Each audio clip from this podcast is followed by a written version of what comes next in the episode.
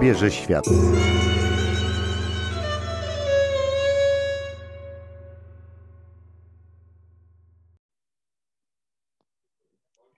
Drodzy słuchacze Radia Widok, w dzisiejszym odcinku Obieży Świata mamy w audycji specjalnego gościa. Gość nietuzinkowy jest to Dominika Putyra. Dominika pochodzi z Bystrej koło Bielska, więc niedaleko od naszego studia, ale obecnie przebywa w Pruszkowie pod Warszawą. Dzień dobry Dominiko, witam serdecznie i chciałam się dowiedzieć, co tam robisz? Co w Pruszkowie pod Warszawą e, robisz obecnie?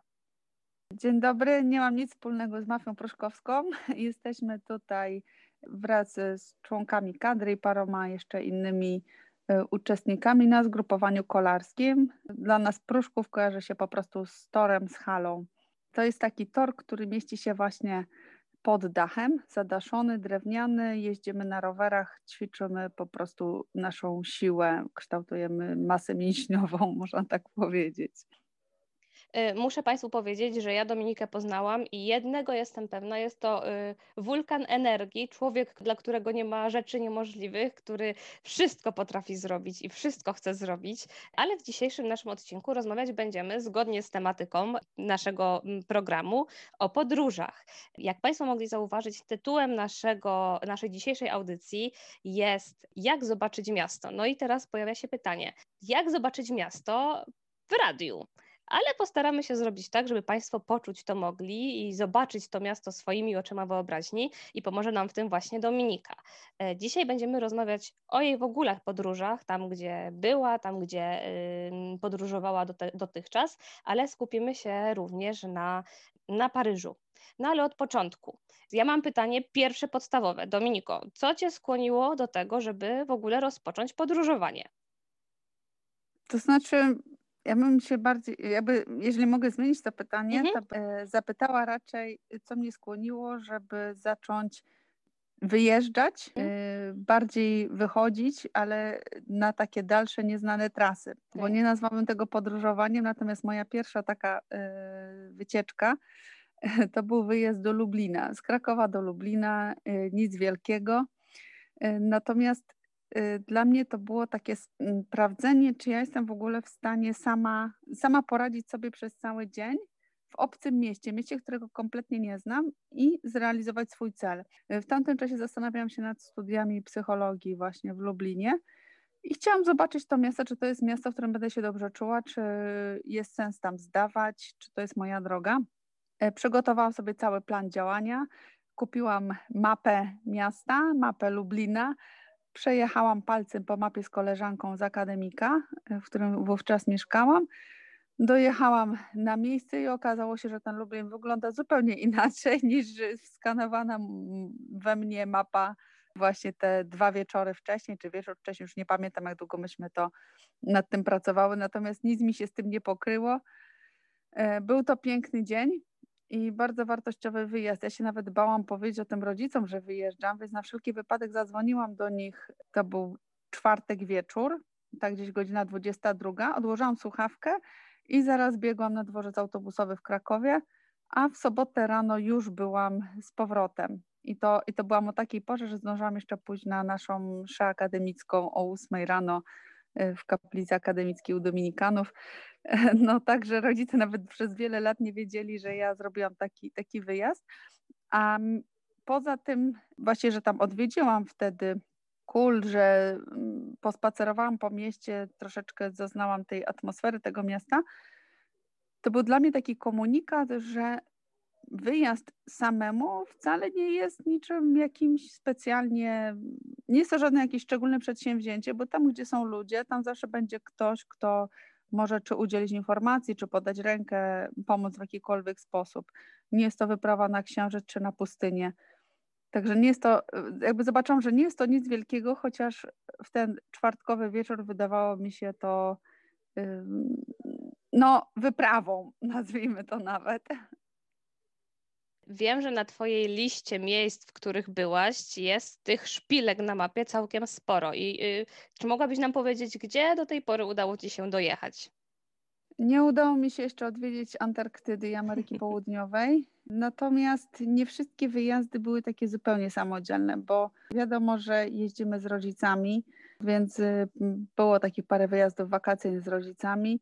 Y, był rejs, na którym byłam też wiadomo w grupie innych uczestników tego rejsu. Były wyjazdy, gdzie w podróży byłam sama, czyli w sensie wyjeżdżałam z Polski sama, musiałam dotrzeć na miejsce sama, natomiast na miejscu już Y, były osoby, które, które znałam. Jechałam do kogoś znajomego, czy odwiedzałam koleżankę w Holandii, czy właśnie do Kalifornii, jak poleciałam, to y, też do znajomych, którzy się wiadomo wtedy mną zaopiekowali i nie było potrzeby, żebym gdzieś sama, sama się poruszała. No ale też były takie wyjazdy, gdzie y, całkowicie od początku do końca i ten środek byłam zdana na siebie, na swoje tutaj nie chcę tego nazwać zdolności, ale takie jakby ode mnie zależało, czy zjednam sobie ludzi, od których ewentualnie otrzymam pomoc, która będzie mi potrzebna, czy nie i jak sobie poradzę. I takim szczególnym tutaj myślę, to był e, wyjazd do Paryża. W Paryżu byłam kilkakrotnie. Obecnie nawet mam tam przyjaciółkę francuskę. No i wyjazd do Indii i Nepalu.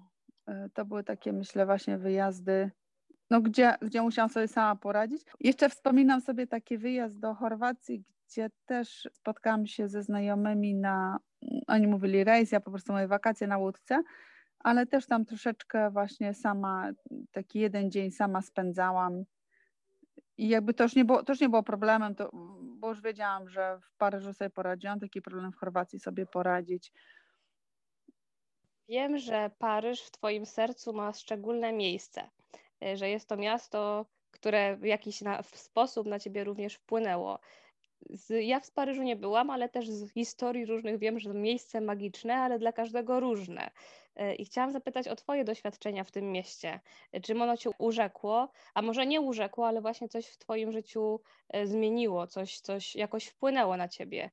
Znaczy, ja bym tutaj od razu chciała przestrzec, żeby nie myśleć o Paryżu jako mieście zakochanych, bo tak y, wszyscy już o miasto zakochanych jadą tam.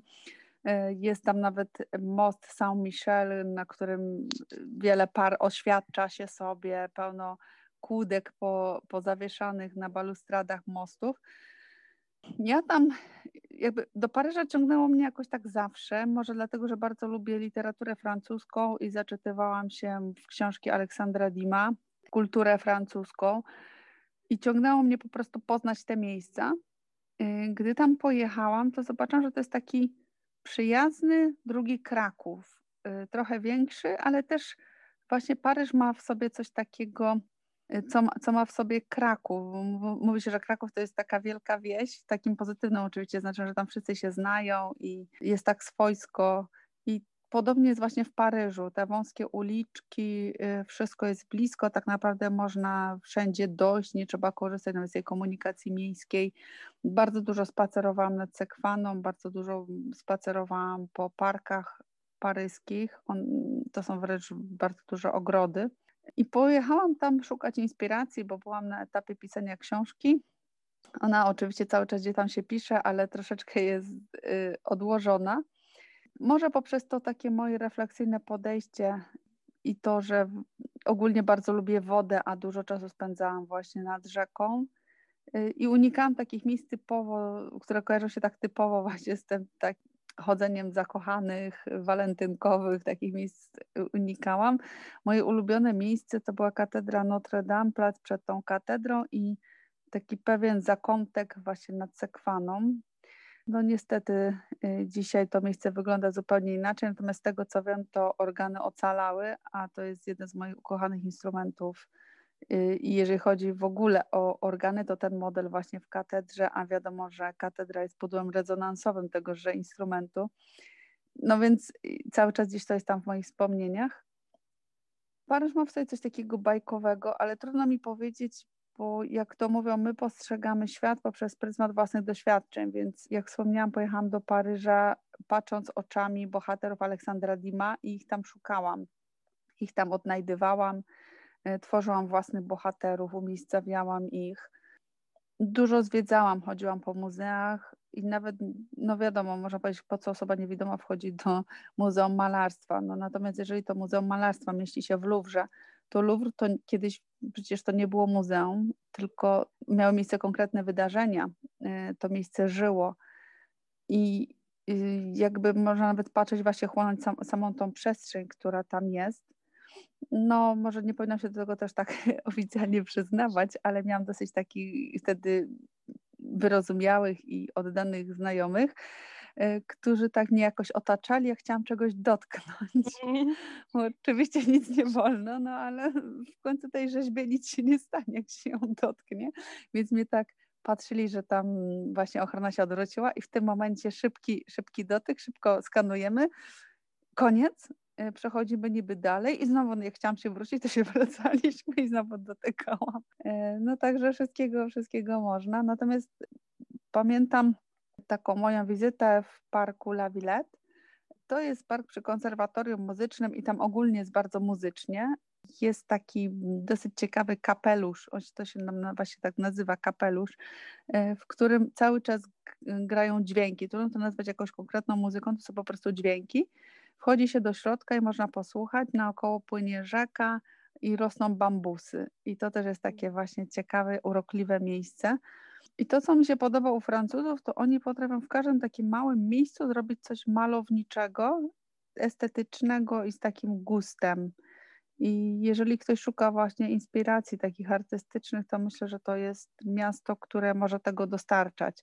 Bo jeżeli patrzymy już na taką kulturę, która tam jest, to jest to dosyć smutny obrazek, ponieważ to już nie jest ta kultura francuska, która się nam kojarzy. Niestety Paryż jest brudny, y, jest dużo agresji. Jedna z moich koleżanek, Polek, opowiadała mi, jak trafiła do Paryża na wniebowzięcie i opowiadam, jak to wyglądało. Mi się to tak spodobało, że jak się okazało, że są tanie loty w sierpniu do Paryża, to tak zrobiłam, żeby właśnie ten 15 sierpnia się tam zawierał.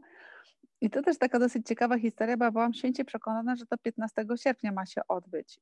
14 byłam akurat na placu przed katedrą i zerwała się taka nagła po prostu burza z ulewą. No to jedyne miejsce, gdzie można było się schować, to była katedra. Więc szybko tam pobiegłam e, i za chwilę okazało się, że odbywają się bardzo uroczyste nieszpory i już zrozumiałam, że oni jednak wieczorem zaczynają te obchody w niebowzięcia. Po tych y, właśnie uroczystych nieszporach rozpoczęła się bardzo uroczysta msza, po której procesja łódkami po sekwanie, przy świecach, kwiaty, y, rzucane kwiaty. No, właśnie w czasie procesji mówiliśmy różaniec we wszystkich językach, osób, które brały udział właśnie w tej procesji. Ksiądz się pytał, kto jest jeszcze z innego kraju i prosił o poprowadzenie właśnie dziesiątki różańca. Czy prowadziłaś po polsku? No niestety nie udało mi się dojść, bo już, było, już, już się kończył mhm. różaniec i y, były, wszystkie, były inne jeszcze języki i jakoś do tego polskiego jakby nie dotarło. Natomiast śmiałam się, że to była najbardziej romantyczna procesja, na której byłam i że to była procesja do wieży Eiffla, bo przy wieży Eiffla żeśmy zakręcili. Najpierw byłam święcie przekonana, że będziemy pływać naokoło katedry, po prostu naokoło wyspy, mm, bo nie wiem, czy słuchacze wiedzą, ale katedra mieści się na wyspie. Jest taka wyspa w środku Paryża. Cite się nazywa. No i bo możemy właśnie opłynąć i myślałam, że będziemy płynąć naokoło, myśmy popłynęli do wieży Eiffla i z powrotem. E, I właśnie podczas tej mszy i procesji poznałam osobę, która do dzisiaj jest moją przyjaciółką, która w ogóle wzięła mnie za francuskę w pierwszej chwili, że miałam tak francuski akcent, a się okazało, że ja mało po tym francusku w ogóle potrafię powiedzieć. Jak Państwo mogli y, usłyszeć, podróże Dominiki nie tylko są niezwykłe przez to, że, e, że w ogóle są. Dla mnie każda podróż jest wydarzeniem wielkiej wagi, ale Dominika odkrywa świat inaczej niż przeciętny obywatel, bo odkrywa go za pomocą innych zmysłów niż tylko wzrok. Dlatego, że jesteśmy w radiu, możemy słuchać jedynie i używać naszej wyobraźni i innych naszych zmysłów. I chciałam Cię, Dominiko, zapytać, jak zamknę oczy i będę w Paryżu. Wiem, że Paryż to duże miasto i są różne dzielnice i różne pewno miejsca, ale co, co mogę poczuć, czego mogę doświadczyć, co mnie zadziwi? No, jest taki dowcip, że dzielnica, dzisiaj podróżuję metrem, to dzielnica Paryża rozpoznaje się po zapachu. że na przykład y, na stacji Châtelet y, linii 1 wysiada Chanel 5, a wsiada Chanel 7. Chanel 7 to wcale nie chodzi o to, że ten zapach jest jeszcze piękniejszy, tylko w drugą stronę. Mm. Każda dzielnica różni się od siebie diametralnie. Jak pójdziemy y, do tej centralnej części, łacińskiej części, czyli tam, gdzie jest uniwersytet, gdzie jest Sorbona, no to mamy właśnie taką kulturę, wszystko takie uporządkowane, takie starodawne, takie właśnie w naszym Krakowie. Zresztą to nie jest dziwne, bo w czasie renesansu przecież do nas przyjeżdżali architekci z Włoch, ci architekci, którzy byli pionierami architektury renesansowej. To samo działo się we Francji w tym czasie, więc to nie dziwi. Jak sobie tak przypominam, e, gdy na przykład chodziłam po uliczkach, po drugiej stronie Sekwany, jak znajduje się katedra, jest y, takie, jak ja to mówię, zagłębienie tanich restauracyjek. To jest taka uliczka Uszet, La Rue Uszet, i tam jest, ona jest dosyć ciasna i zawsze jest pełno ludzi, więc y, można mieć poczucie na przykład, że miast, y, no jest tak luźno w mieście, wejdzie się w tą uliczkę i od razu człowiek jest w centrum jakiegoś takiego ruchu turystycznego. I tą uliczką dochodzi się do fontanny, więc słyszymy już fontannę. To fontanna świętego Michała, na której jest posąg Michała Archanioła walczącego ze smokiem, smoku jego stóp. Y, no i słyszymy tą fontannę i zaraz obok tego jest też wejście do metra i z kolei to wejście do metra jest bardzo cichutkie, bo zdaje mi się, że mało kto o nim wie, wiedzą o nim mieszkańcy, ale turyści niekoniecznie jakoś do niego trafiają, bo jest to wyjście na, na ten bulwar Saint-Michel, gdzie no, można wsiąść w autobus, pojechać gdzieś dalej, nie jest to jakieś szczególne miejsce i myślę, że to z tego wynika. Bardzo często korzystam z tej stacji. Podobało mi się, że jest nieskomplikowana, że schodzę, zjeżdżam sobie windą i jestem na peronie na właściwym, we właściwą stronę, bo to co jest jeszcze ciekawe w Paryżu, że nie ma tak jak w warszawskim metrze mamy wspólny peron dla obu kierunków, tylko jak się jest na peronie, to się jedzie w danym kierunku. Zawsze drzwi otwierają się na prawą stronę. Dla mnie było to bardzo dużym ułatwieniem, czułam się bezpiecznie. Tak samo e, przy linii 1, jak zjedziemy do metra, to jest taka e, przeszklona ściana, Y, nad torami, żeby nie wpaść na tory. I też dzięki temu czułam się bardzo bezpiecznie. Podjeżdżam metro i otwiera się ta ściana na wysokości drzwi. Także właśnie takie poczucie bezpieczeństwa. Co jest dla mnie było takim ciekawym doznaniem, tramwaje jeżdżą tylko naokoło miasta. Y, właściwie nie jestem teraz pewna, po której stronie, czy już za murami, czy przed murami, charakterystyczne jest to, że każdy przystanek nazywa się brama. Brama orleańska, brama tam jakaś inna. I co jest takie, co mi się, mnie, mnie urzekło w tych tramwajach, to przy każdym przystanku, jak jest zapowiadany, jest fragment muzyczny i za każdym razem inny. Nie ten sam, tylko właśnie inny. I to mi się bardzo podobało, że sama wycieczka tramwajem może być taką, sprawiać przyjemność. Zwłaszcza, że ten język francuski bardzo mile brzmi i też jest pewnego rodzaju muzyką. Z kolei jak e, zwiedzałam e, Pałac Wersalski, to on jest dosyć ciekawy, bo nam jak e, wszystko co francuskie wydaje się jakieś takie mm, duże, y, nieosiągalne, niedotknione, to tam poza największą salą, nie pamiętam czy to się nazywało sala rycerska czy sala baletowa, teraz nie, nie, nie pamiętam, nie mogę sobie przypomnieć tej chwili, ale to, to nie ma znaczenia. Jak się przechodzi przez te wszystkie komnaty, to ma się poczucie takiej domowości. To y, jest dosyć przytulnie w tych komnatach tego pałacu. Może przez to, że te przestrzenie są niewielkie, ale jest taka, taka właśnie atmosfera przytulności, nie ma echa, jest y, właśnie dźwięk jakby zostaje w danym pomieszczeniu, y, czyli takie poczucie też intymności. I można sobie wyobrażać, jak w dawnych czasach żyli tam ludzie.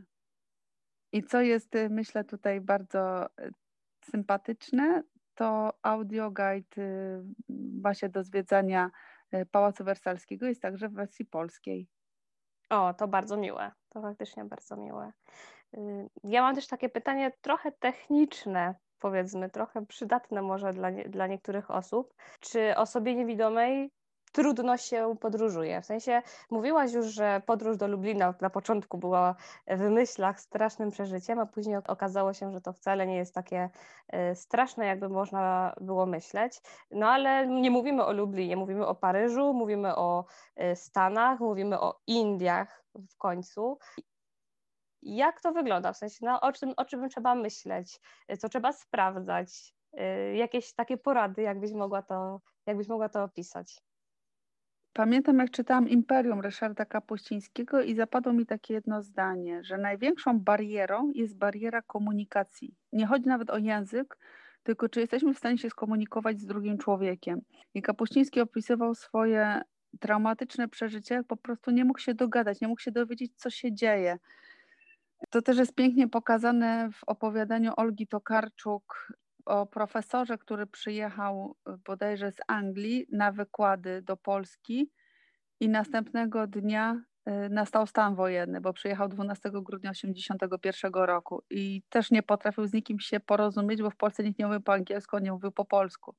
I powiem tak, póki jest ten sam język, czuję się bardzo bezpiecznie, bo wiem, że ktoś mnie zrozumie, coś mi wyjaśni, można zasięgnąć języka i to jest tak samo, jakbym była w swoim kraju.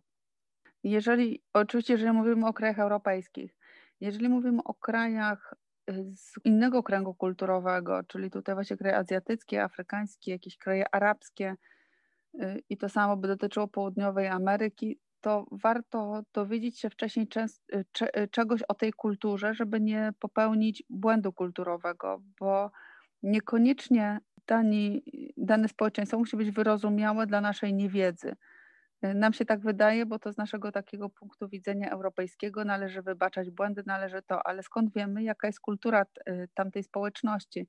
Może oni właśnie jakby nie żywią szacunku dla obcych i każdy błąd obcego będzie jakby dla nich tylko sposobem do wykorzystania tego na swoją, y, swoją korzyść. No także warto, warto poznać kulturę.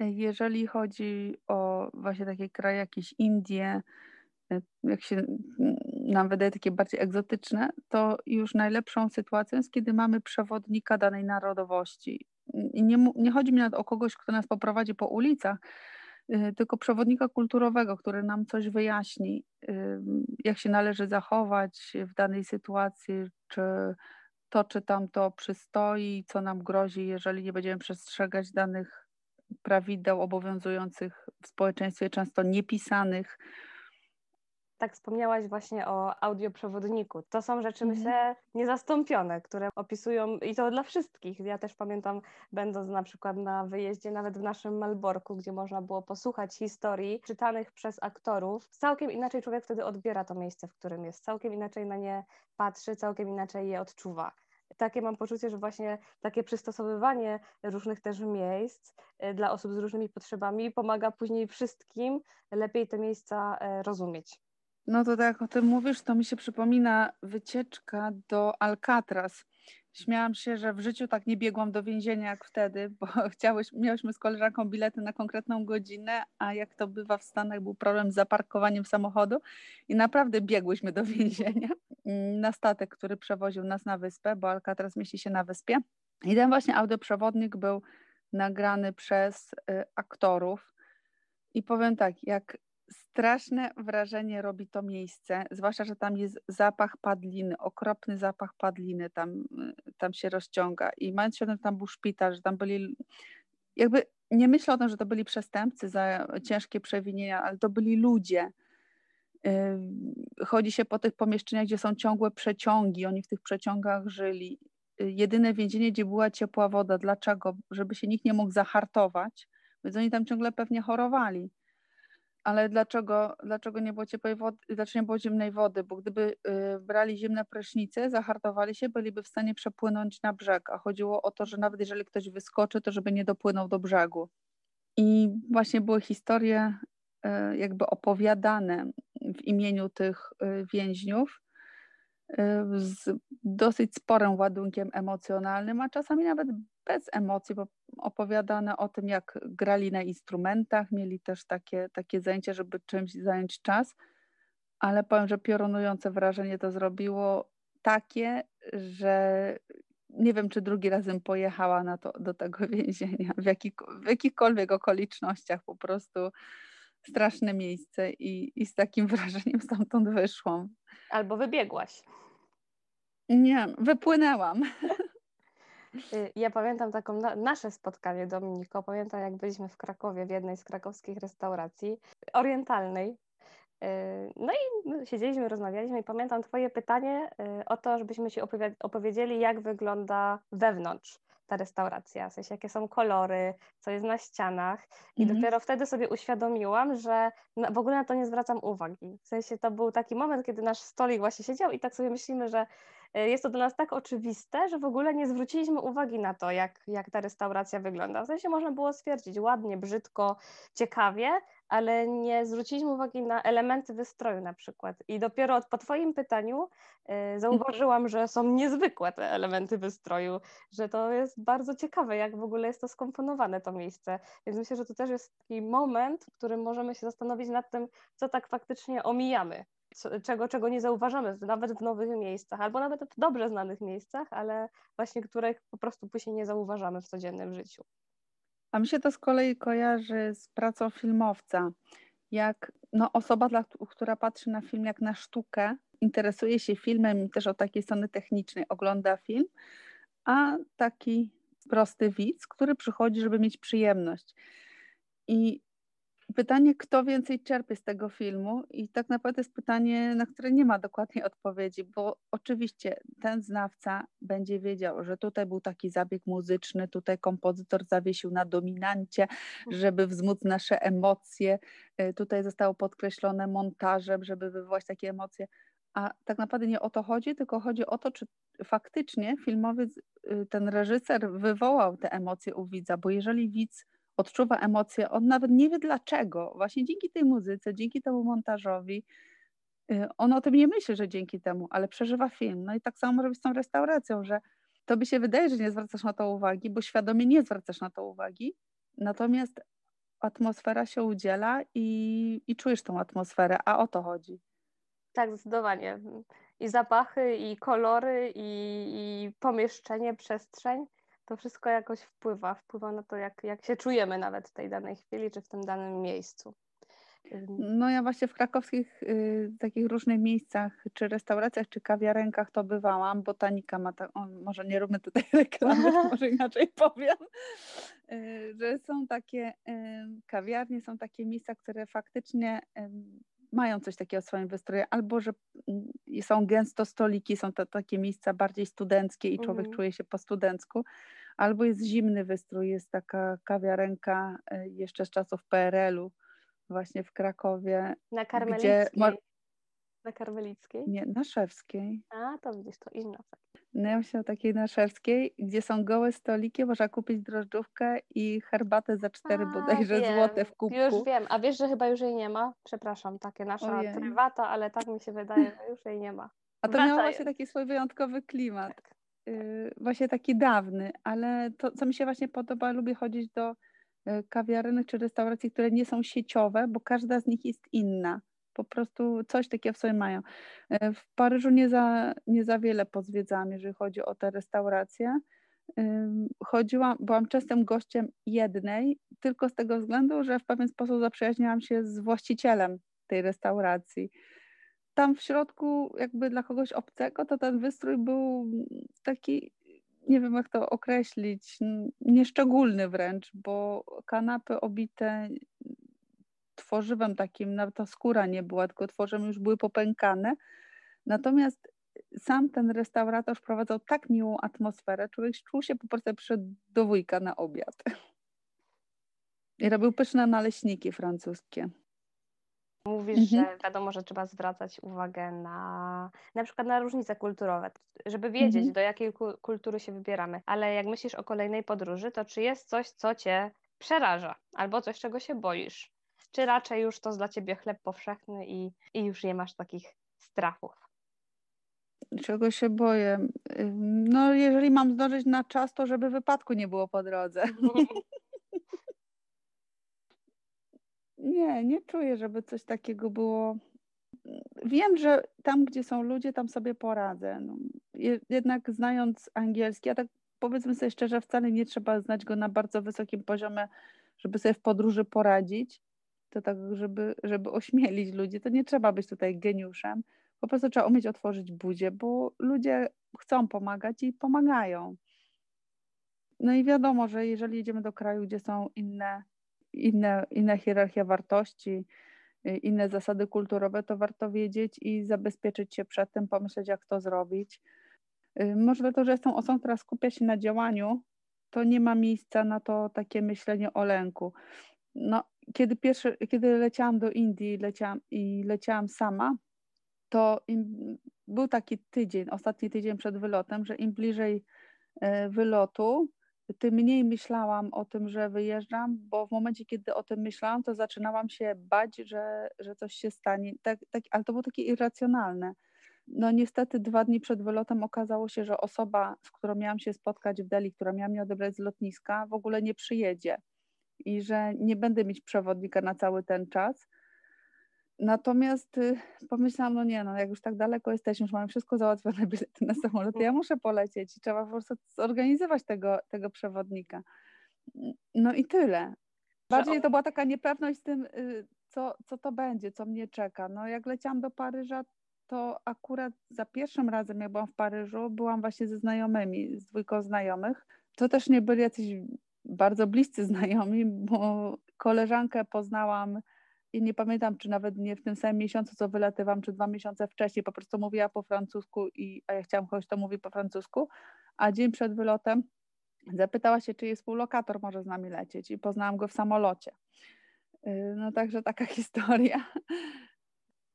Mam nadzieję, że o wyjeździe Dominiki do Indii i dokładnego miejsca, do którego tam pojechała, ale Państwu nie powiem gdzie, e, dokąd. E, porozmawiamy sobie w innym odcinku. Mamy mhm. nadzieję, że pandemia niedługo się skończy, że już zaraz będziemy mogli wrócić do podróżowania. Twoje miejsce, gdzie chciałabyś pojechać jako pierwsze, takie wymarzone, gdzie jeśli będzie koniec pandemii i będzie taka możliwość, gdzie chciałabyś wylecieć albo wyjechać? To ni niestety rozczaruję, nie będzie to żadne nowe miejsce. Chcę, jak, jak tylko będzie możliwość, pojechać do moich przyjaciół. Zdradzę teraz w Dolendzi czyli w północy zachodnich Indiach, którzy za mną tęsknią i czekają na mnie, bo miałam być już u nich na jesieni y, i niestety no, nie było to możliwe. Będziemy rozmawiać o tym, gdzie, dlaczego i czy uda Ci się dojechać. Mam nadzieję, że tak. Mam nadzieję, że także niebawem wszystkim nam uda się dotrzeć do, do miejsc, do których chcieliby się wybrać. Dominiko, serdecznie Ci dziękuję za, za dzisiejsze spotkanie. Wiem, że jesteś między treningami, prawie że i Twój czas jest bardzo intensywny, więc tym bardziej się cieszę, że udało się znaleźć chwilę, żebyś mogła e, się z nami podzielić swoimi doświadczeniami w podróżowaniu. I mam nadzieję, że spotkamy się niebawem na kolejnej audycji właśnie dotyczącej E, Indii e, i tych przyjaciół, którzy za Tobą tęsknią i już czekają. Więc jeszcze raz serdecznie dziękuję i Państwu za uwagę. No i do zobaczenia, do usłyszenia. Zostańcie z nami. Do usłyszenia.